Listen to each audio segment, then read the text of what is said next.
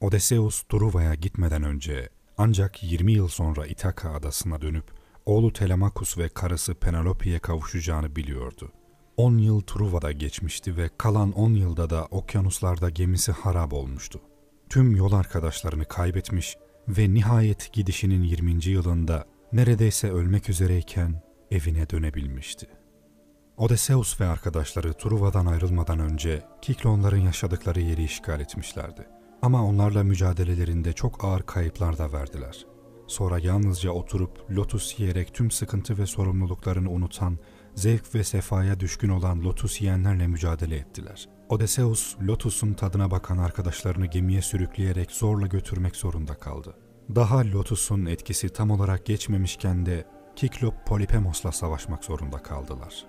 Kikloplar tek gözlü, çok büyük devlerdi. Her çeşit ürünün fışkırdığı bereketli topraklara ve kabarık tüylü keçi ve koyunlar için çok zengin otlaklara sahiplerdi. Böyle bir yerin sakinleriyle tanışmak isteyen Odysseus, gemilerden birini limana yanaştırdı ve arkadaşlarıyla birlikte karaya çıkarak Poseidon'un oğullarından biri olan Kiklop Polipemos'un mağarasına gitti. Polipemos dışarıda koyunlarını otlatıyordu ve gün batımına kadar gelmedi. Odysseus da arkadaşlarıyla birlikte mağarada onu beklemeye başladı. Kiklop devasa ve korkunç bir yaratıktı ve bu beklenmedik konukların nereden gelip ne iş yaptıklarına dair üstün körü birkaç soru sorduktan sonra Odysseus'un arkadaşlarından birkaçını alıp sıkarak önce beyinlerini fışkırttı ve sonra da onları yemeye başladı. Kiklop daha sonra çok derin bir uykuya daldı. Odysseus onu bıçaklayarak öldürmeyi düşündü ama hemen vazgeçti. Zira bunu yaparsa oradan çıkmaları mümkün olmayacaktı. Kiklop mağaranın girişine Odysseus ve arkadaşlarının hep beraber kaldıramayacağı ama kendisinin tek eliyle kaldırıp atabileceği devasa büyüklükte bir kaya yerleştirmişti. Kiklop kahvaltıda Odysseus'un iki arkadaşını daha yedi ve dışarı çıktı. Çıkarken de kayayı özenle tekrar mağaranın girişine yerleştirdi. Kurnaz Odysseus hemen bir plan yaptı ve mağarada bulduğu bir odun parçasının ucunu sivrilterek ateşle sağlamlaştırdı. Akşam olduğunda Polipemos mağarasına döndü ve Odysseus ona bu Yunan yolcuları unutturacak güçlü bir kase şarap ikram etti. Kiklop şarabı bir dikişte bitirdi ve üstüne üç kase daha içti. Hemen sarhoş olan Kiklop uyuklamaya başladı. Uykuya dalmadan önce Odysseus'a adını sordu ve o da adının Yunanca hiç kimse anlamına gelen Otis olduğunu söyledi. Kiklop şaraba karşılık Odysseus'a onu en son yiyeceğine dair söz verdi. Yaratık uykuya daldığında Odysseus odunun ucunu kıpkırmızı olana kadar ısıttı ve en iyi arkadaşlarıyla birlikte odunu Kiklop'un tek gözüne sapladı. Yaratığın gözü demircinin sağlamlaştırmak için soğuk suya tuttuğu balta gibi tıslayıp cızlamaya başladı. Korkunç bir acıyla uyanan Kiklop, komşuları olan diğer Kikloplardan yardım istemek için bağırıp kükremeye başladı.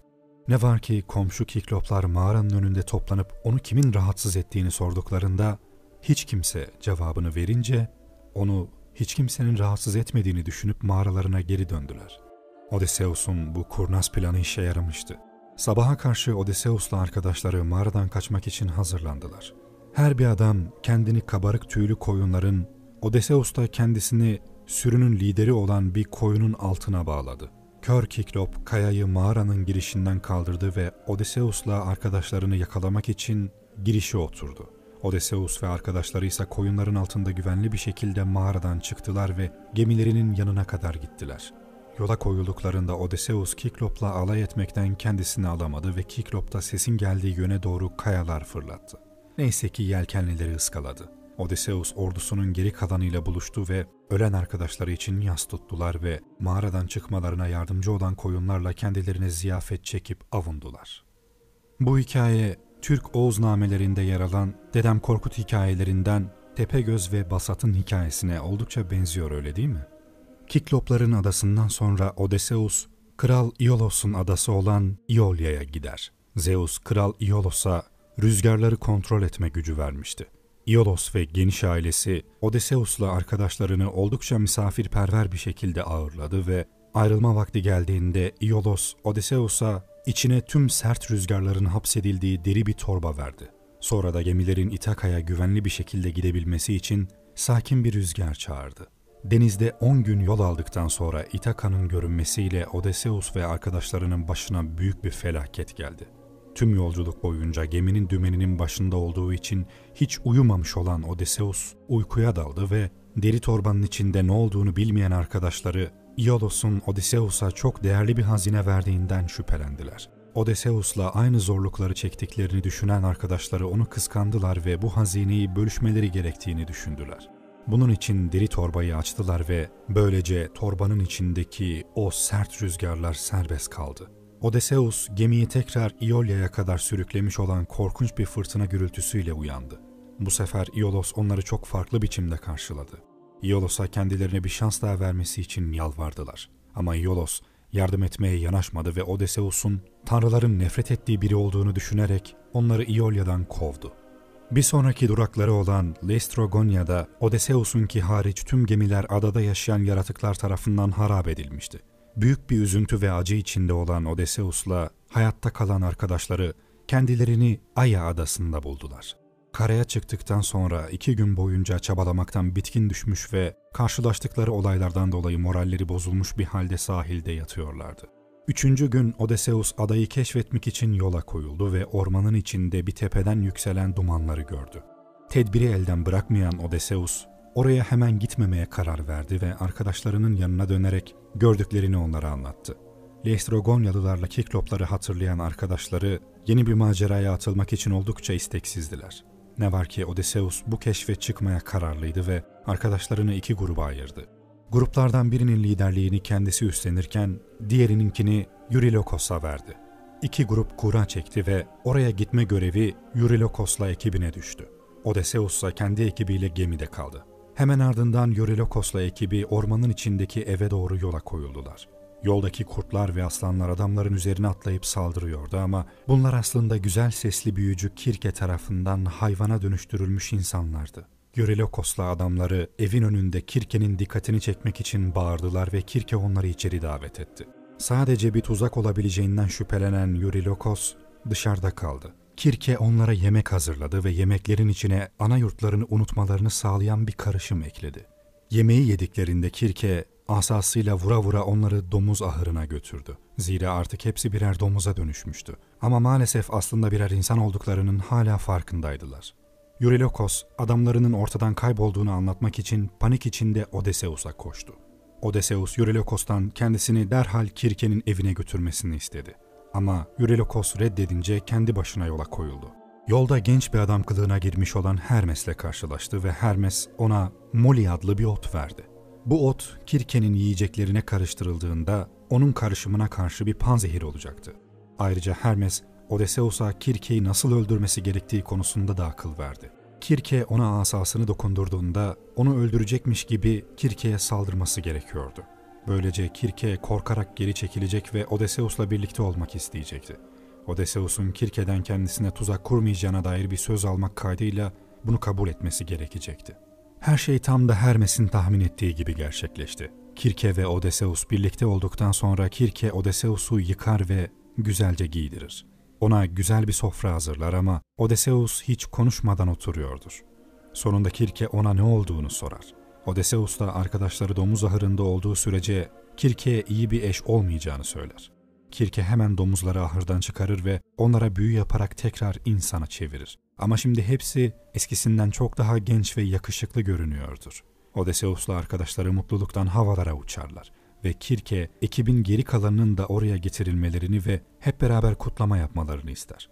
Odysseus'la arkadaşları koca bir yıl boyunca Kirke'nin yanında kalırlar ve yiyip içip eğlenerek başlarından geçen tüm kötü olayları unuturlar. Sonunda bazı arkadaşları Odysseus'a İtaka'yı hatırlatır. Kirke İtaka'ya gitmek için yola çıkmadan önce mutlaka yer altına gidip Teba hikayeni Tiresius'a danışması konusunda Odysseus'u uyardı. Sadece Triseis eve dönmesi için onu bilgilendirebilirdi. Bunun üzerine Odysseus, Okeanos nehrini geçerek Persefon'un kavak korusunun yanına demir attı. Burada bir hendek kazarak etrafına ölülerin şerefine bal, su, süt ve şarap döktü. Hendeğin üzerinde bir keçi ve bir de kara koyun kurban etti. Kan kokusunu alan ölülerin ruhları kanı içmek için Hende'ye geldiler. Odysseus kılıcını çekti ve onları geri püskürttü. Asıl beklediği kahinin ruhuydu. Hende'ye ilk yaklaşan Odysseus'un arkadaşlarından Elpinor oldu. Elpinor, Kirke'nin evinden ayrılacakları günün sabahında çatıdan düşerek ölmüştü ve Odysseus'la ekibi yola koyulmaları gerektiğinden onun ölüsünü yıkayıp gömmeden orada öylece bırakılmıştı. Odysseus tüm bunları düzelteceğine dair onun ruhuna söz verdi. Triseis geldiğinde ise Odysseus onun kandan içmesine izin verdi ve kahin de Odysseus'un evine güvenli bir şekilde dönebileceğini söyledi. Ancak kesinlikle Trinaki'de güneşin sığırlarını yağmalamaması gerekiyordu. Ayrıca İtaka'ya vardığında sadık karısı Penelope'nin pek çok aç gözlü talibiyle karşılaşacağı konusunda da onu uyardı. Kahinden gerekli tüm bilgileri aldıktan sonra Odysseus diğer hayaletlerin hendeye yaklaşıp kan içmelerine izin verdi. Böylece Odysseus o kandan içen her hayaletle konuşabilecekti. Gelen ilk hayalet Odysseus'un annesiydi. Annesi ona nasıl öldüğünü, babası Letres'in perişan durumunu ve karısı Penelope'nin taliplerini baştan savmak için sarf ettiği cesur çabalarını anlattı. Annesini üzüntü içinde dinleyen Odysseus, onu rahatlatmak için üç kez daha ona sarılmayı denedi. Ne var ki her defasında annesinin hayaleti kollarının arasından kayıp gitti. Diğer hayaletler de gelip Odysseus'la konuştular. Agamemnon'un hayaleti Odysseus'a kanlı ölümünü anlattı. Sonra Aşil'in hayaleti geldi ve Odysseus onu dünyada yaşamış olan en önemli insanı tüm yaşayanlar ve ölülerin arasındaki en yüce prensi karşılar gibi selamladı. Aşil ise ona ölülerin arasında kral olmaktansa yaşayanların arasında köle olmayı yeğleyeceğini söyledi. Odysseus, Aşil'in oğlu Neoptolemos'un cesaretinden bahsederek onu mutlu etmeyi başardı ve Aşil, Odysseus'un yanından mutlu ayrıldı. Yeraltını ziyareti sırasında Odysseus, oranın pek çok meşhur sakiniyle karşılaştı. Sisipos, dağın en tepesine çıkarır çıkarmaz elinden sürekli kayıp düşen kayayı yuvarlamaktaydı. Tantalos, boğazına kadar suların içindeydi ve kafasının üzerinde her çeşit meyve vardı. Ama yemek için elini uzattığında meyveler, su içmek için başını eğdiğinde ise sular yok oluyordu. Odysseus merak içinde gezmeye devam etti ve cesur Herkül'ün hayaletiyle karşılaştı. Daha pek çok kahramanın hayaletleriyle de karşılaşan Odysseus sonunda çok bunaldı ve panik içinde gemisine geri dönüp demir aldı ve yaşayanların diyarına doğru yola koyuldu. Odysseus Kirke'nin adasına geri döndü ve Elpinor'u gömdükten sonra Kirke'den de yolculuğu sırasında karşılaşacağı zorluklarla ilgili bilgi aldı. Gemi önce kadın başı ve sesine ama kuş bedenine sahip olan tuhaf yaratıkların Sirenlerin adasının yanından geçecekti. Sirenler söyledikleri güzel şarkılar sayesinde denizcileri cezbedip adalarına hapseden yaratıklardı.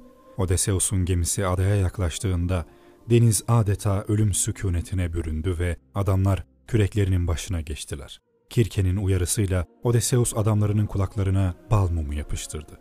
Kendisini de gemi direğine bağladı. Böylece adamları onu tehlikeden uzak bir yere götürebilecek ve şarkıyı dinlemesini sağlayacaktı. Sirenler yaklaş Odysseus diye şarkı söylemeye başladılar. Hiçbir denizci bizim dudaklarımızdan dökülen tatlı melodileri dinlemeden buradan geçmedi. Truva'da tanrıların isteğiyle gerçekleşen her şeyi biliyoruz. Ve bu bereketli yeryüzünde bundan sonra gerçekleşecek olan her şey. Odysseus, sirenlerin şarkısından etkilendi ve adamlarına durmaları için bağırdı. Ama hiçbiri onun yakarışlarını duymadı ve böylece tehlikeyi atlattılar. Bir sonraki engelleri ikizler Skyla ve Karibdis'in tuzaklarıydı. Karibdis suları birden çekip sonra tekrar boşaltan korkunç bir akıntıydı. Ondan kurtulmayı başaran dikkatli denizciler bir de korkunç Skyla ile mücadele etmek zorunda kalıyordu. Skyla bir kayanın tepesindeki mağarasında dev dalgaların oluşturduğu köpükler ve pusları sayesinde saklanırdı. Havada sallanıp duran 12 ayağı ve her bir ağızda 3 sıra diş olan 6 kafası vardı. Mağarasının yakınından geçen gemilere haraç kesiyordu. Kirke tarafından önceden uyarılmış olan Odysseus arkadaşlarına Skyla'dan hiç bahsetmedi ve Karibdis'e oldukça geniş bir yatak hediye etti. Skyla'nın kayasının altından geçti. Odysseus arkadaşlarının hayatını kurtarmak için Skyla'ya karşı çok temkinliydi ama Skyla Odysseus'un altı arkadaşını kapmayı başardı. Gemi bu sefer zengin otlaklara sahip olan Apollo'nun iri sığır sürülerini sakladığı Trinaki adasına vardı. Odysseus hem Kirke hem de Triseis tarafından eğer İtaka'ya sağ salim varmak istiyorsa bu adadan uzak durması ve hiçbir şekilde sığırlara el sürmemesi gerektiği konusunda uyarılmıştı. Odysseus bunu adamlarına da anlattı ama onlar altı arkadaşını daha kaybetmiş olmanın verdiği üzüntü ve yorgunluk nedeniyle oraya demir atıp sahilde bir gece geçirmek konusunda ısrar etti. Onlar böyle isyan edince Odysseus'a da bu isteklerini kabul etmekten başka bir şey kalmadı. Ama Odysseus adamların hepsine sığırlara dokunamayacaklarına dair yemin ettirdi. O gece bir fırtına koptu ve tam bir ay boyunca rüzgar güneyden esti. Böylece yolculuklarına devam etmeleri imkansız hale geldi. Kirke'nin onlar için hazırladığı yolluklar yeterli olduğu sürece adamlar sözlerine sadık kaldı ve sığırlara el sürmediler. Ne var ki sonunda erzakları bitti ve açlıktan Odysseus'un gemisinden uzakta olduğu bir zamanda sığırlardan bazılarını yakaladılar.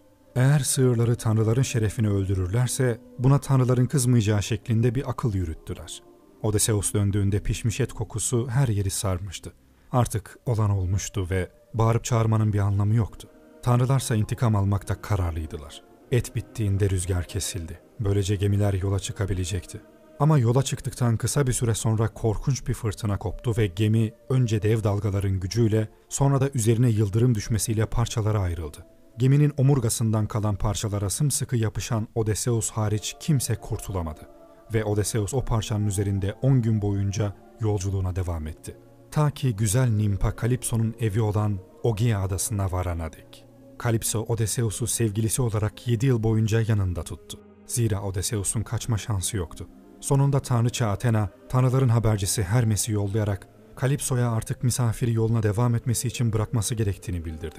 Kalipso onu kaybedeceği için gönülsüzce de olsa emre uyması gerektiğinin farkındaydı. Ve Odysseus'u sal yapması için gerekli ekipmanla yiyecek ve içecek verdikten sonra İtaka'ya gidişini hızlandıracak güçlü bir rüzgar çağırdı. Odysseus yola koyuldu ve olaysız bir biçimde yolculuğun son safhasında kendisine eşlik edecek büyük gemiciler Paikiyalıların adasına vardı. Bu sırada Odysseus'tan oğlu Kiklop Polpemos'u kör ettiği için nefret eden ve onun yolculuğunun sonuna yaklaşmış olmasından dolayı öfkelenen Poseidon bir fırtına yolladı ve Odysseus'un salı paramparça oldu. Odysseus ölümden Nimpa Ino sayesinde kurtuldu. Ino Odysseus'a duvağını vererek onu beline sıkıca sarmasını ve salı hemen terk ederek kıyıya doğru yüzmesini söyledi. Devasa bir dalga salı kibrit çöpü gibi tahta parçalarına çevirince Odysseus söyleneni yaptı.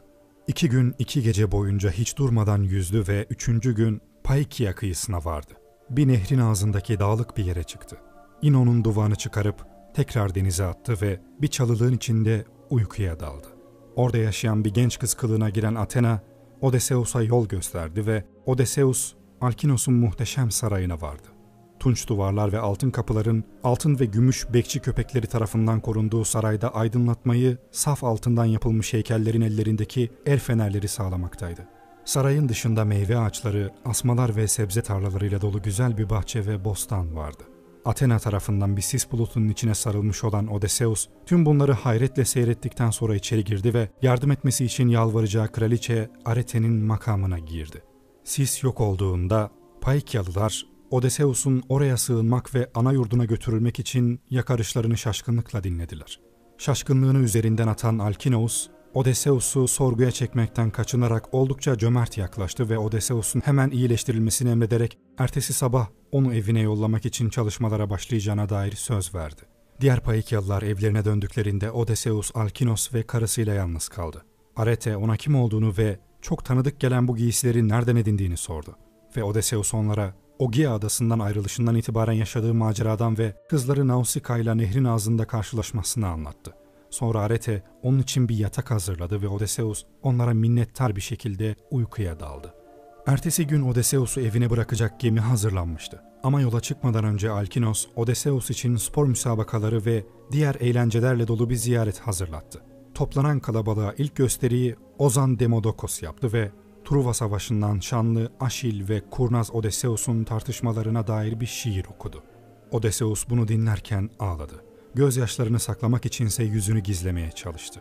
Ağladığını yalnızca Alkinos fark etti ve tekrar neşelendirmek için ona bir spor müsabakası sundu. Danslarla devam eden gecede Demodokos bu sefer Afrodit ve Ares'in aşkına dair bir şiir okudu. Ertesi akşam Odysseus sonunda ev sahiplerine veda ederek hızlı bir Faika gemisine binip İtaka'ya doğru yola koyuldu. Gemi hareket ettiğinde Odysseus uykuya daldı ve sabah yıldızı belirdiğinde gemidekiler tüm Fayyakalıların verdikleri hediyeleri yanına koyarak onu İtaka kıyısı yakınlarında su perilerinin evi olan bir mağaraya bıraktılar. Odysseus uyandığında nerede olduğunu anlayamadı. Zira Athena Odysseus'la görüşüp onu başka bir kılığa sokmak için fırsat olsun diye adanın üzerini sisle kaplamıştı. Odysseus büyük bir üzüntü içinde Fayyakalıların onu nerede bıraktıklarını anlamaya çalışırken Athena bir çoban kılığında geldi ve Odysseus sorduğunda onun memleketi İtaka'dan olduğunu söyledi. Kurnaz Odysseus çobana Giritli bir mülteci olduğunu söyledi ve Athena onun bu kurnazca öyküsüne gülerek gerçek kimliğini açıkladı. Sonra Odysseus'a gerçekten İtaka'da olduğunu müjdeleyerek karısı ve krallığını tekrar nasıl ele geçireceği konusunda planlarını anlattı. Odysseus'un orada olmadığı 20 yıl boyunca karısı Penelope, oğlu Telemakos ve birkaç sadık hizmetkarı dışında herkes onun ya Truva'da ya da eve dönüş yolunda öldüğüne inanıyorlardı. Penelope yalnızca güzel ve zeki değil, aynı zamanda zengin ve güçlüydü. Onunla kim evlenirse Odysseus'un zenginliği ve statüsüne de sahip olacaktı. Bu yüzden Penelope'nin sarayının etrafı orada yiyip içerek Penelope'ye ilgi gösteren soylu taliplerle doluydu. Penelope elinden geldiğince taliplerini oyalıyor ve hiçbirine net bir cevap vermiyordu. Üç yıl boyunca Odysseus'un yaşlı babası için bir kefen ördüğünü söyleyerek onları oyalamayı başarmıştı. Odysseus'un babası öldüğünde bir kefeni olmaması ona yakışmazdı ve bu iş bitmeden Penelope kimseyle evlenmezdi. Penelope her gün dokuma tezgahında çalışıyor, hava karardığında ise bir el feneriyle ördüğü yerleri tekrar geri söküyordu. Ancak dördüncü yıl geldiğinde Penelope'ye hizmetçilerinden biri ihanet etti ve tariplere gerçeği söyledi. Bunun üzerine Penelope'nin kefeni bitirmekten başka çaresi kalmadı. Odysseus'un İtaka'ya varışından kısa bir süre sonra Athena artık yaşı gelmiş olan Telemakos'un babasından ne olduğunu öğrenmesi için ona bir vahiy gönderdi. Telemakos önce yaşlı Nestor'dan bilgi almak için Paylos'a gitti. Ama Nestor hiçbir şey bilmiyordu ve Telemakos'u Menelaos'un Sparta'daki sarayına yolladı. Menelaos ve Helen ona çok iyi davrandılar ve Menelaos denizin yaşlı adamından öğrendiği kadarıyla Odysseus'un güzel Nimpa Kalipso'nun yanında mahsur kaldığını söyledi. Odysseus İtaka'ya vardığında Telemakos da İtaka yolundaydı. Athena Odysseus'a hemen saraya gitmemesi ve domuz çobanı Eumaeos'un yanında bir süre kalmasını öğütledi. Bir dilenci kılığında kendisini gizleyen Odysseus'u Eumaeos iyi karşıladı ve ona kralları Odysseus'un yokluğunda şehrin ne hale geldiğini, onun geri dönüşü için nasıl dua ettiğini anlattı.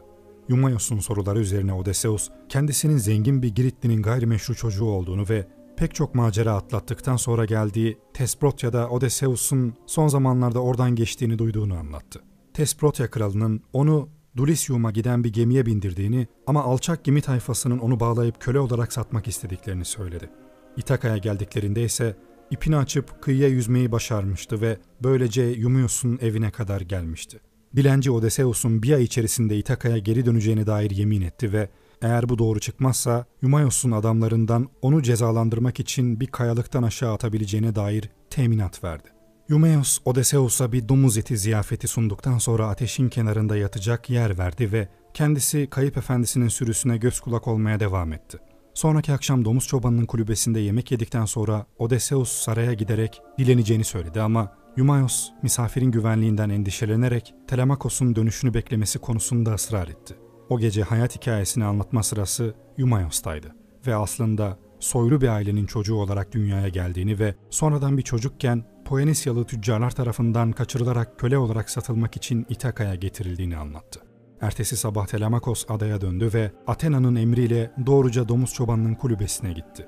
Eumaeos, Telemakos'un dönüşünü Penelope'ye müjdelemek için saraya doğru yola koyulduğunda Athena Odysseus'un kimliğini oğluna açıklamasını istedi.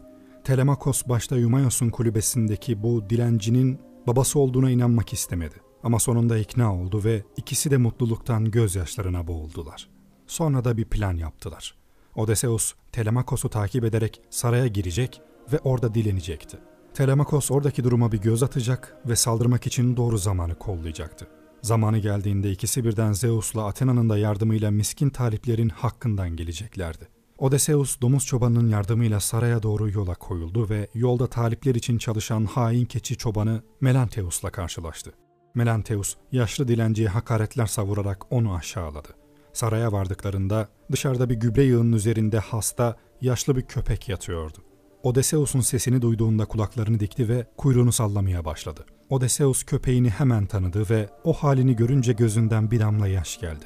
Eumaeos'a köpeğin bu perişan halini sorduğundaysa Eumaeos, Argos'u 20 yıl önce hiçbir köpeğin geçemediğini, oradaki en hızlı köpek olduğunu ama efendisi yokken yaşlanıp ihmal edildiğini söyledi. Sarayın içine girerken Argos 20 yıldır görmediği efendisinin dönüşünden oldukça mutlu halde son nefesini verdi. Beklendiği üzere Odysseus kendi sarayında dilenirken talipler tarafından aşağılandı. Kıyafetleriyle alay edildi. Onu tehdit ettiler ve aralarından biri ona bir iskemle bile fırlattı. Ama Odysseus güreşte bir talibi yenmeyi başarınca şaşırdılar. Bu arada Penelope taliplerine görünmeye karar verdi ve salona indi. Tüm talipler onun güzelliği karşısında arzuyla doldu. Penelope ise taliplerinin dilenciyi aşağılamasına göz yuman Telemakos'u azarladı. Sonra da taliplerine dışarıda yiyip içeceklerine artık kendisine hediyelerini sunmaları gerektiğini söyledi. Talipler Penelope'ye paha biçilemez kumaşlar ve mücevherler sundular. Akşam olduğunda bir ziyafet düzenlendi ve Odysseus da ateşleri körükleme görevini üstlendi. Talipler yine Odysseus'u aşağılamaya ve ona iskemle atmaya başladılar. Gece çöktüğünde ise talipler evlerine döndüler ve Telemakos'la babası tüm silahları evin içine bir depoya sakladı. Penelope bu sefer dilenciyle konuşmak için salona indi ve ona nereden geldiğini sordu. Sonra da taliplerin aralarından birini seçmesi için ona baskı yaptıklarını ancak kendisinin yalnızca Odysseus'un dönüşünü beklediğini anlattı. Odysseus ona aslında Giritli bir soylu olduğunu ve Odysseus'u Girit'te gördüğünü söyledi. Doğru söyleyip söylemediğini anlamak için Penelope ona Odysseus'un üzerinde ne olduğunu sordu. O da mor bir pelerin ve üzerinde köpek figürü olan altın bir broşu olduğunu söyledi. Penelope bunları duyunca ağlamaya başladı. Odysseus onu neşelendirmek için endişelenmemesi gerektiğini, kocasının hala sağ olduğunu ve yurduna çok yaklaştığını, bir ay içinde İtaka'da olacağını söyledi. Penelope dilenciye banyo yaptırılmasını ve ona rahat bir yatak verilmesini emretti. Ancak dikkatli Odysseus yaşlı bir hizmetçinin yalnızca ayaklarını yıkamasına izin verdi ve kendisini yıkaması için emektar bakıcısı Eureklia'nın gelmesini bekledi. Eureklia hemen bu yaşlı dilencinin ona nasıl Odysseus'u hatırlattığından bahsetti ve Odysseus'la herkesin kendisini ona benzettiğini söyledi. Kadın onun ayaklarını yıkamaya başladığında Odysseus bacağındaki yara izini hatırladı. Küçük bir çocukken büyük babası Yutolikos ve amcalarıyla vahşi bir yaban domuzu avlamaya Parnasus Dağı'na gittiklerinde almıştı bu yarayı. Göstermemek için çaba sarf etse de Euryclea yara izini fark etti ve şaşkınlıktan elindeki su dolu tası yere düşürdü. Tam Penelope'ye haber vermek için bağıracakken Odysseus onun ağzını kapattı ve tariflerin işini bitirmeden tek bir kişiye bile bu sırrı vermemesini emretti. Bu sırada Penelope düşüncelere dalmıştı. Hizmetçi işini bitirdiğinde Odysseus ateşin başına oturdu ve Penelope ona dönerek tekrar yaşadığı ikilemden bahsetti. Evlenmeli ve oğlu Telemakos'u bu yükten kurtarmalı mıydı yoksa Odysseus'un dönüşünü beklemeye devam mı etmeliydi? Penelope dilenciden en son gördüğü rüyayı yorumlamasını istedi. Rüyasında büyük bir kartalın bir tepeden aşağı doğru süzülüp giderek onun 20 kazının üzerine çullanıp hepsini öldürdüğünü, sonra da çatının üzerine konup aslında kazların onun talipleri kendisinin de Odysseus olduğunu söylediğini anlattı.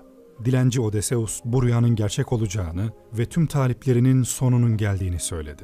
Ama Penelope rüyaların kafa karıştırıcı olduğunu söyleyerek boynuz kapısından geçen rüyaların doğru çıktığını ama fil dişi kapısından geçenlerin aldatıcı rüyalar olduğunu ekledi. Odysseus için gözyaşı dökmeye odasına çekilmeden önce de dilenciye talipleri arasında bir yarışma düzenlemeyi planladığını söyledi.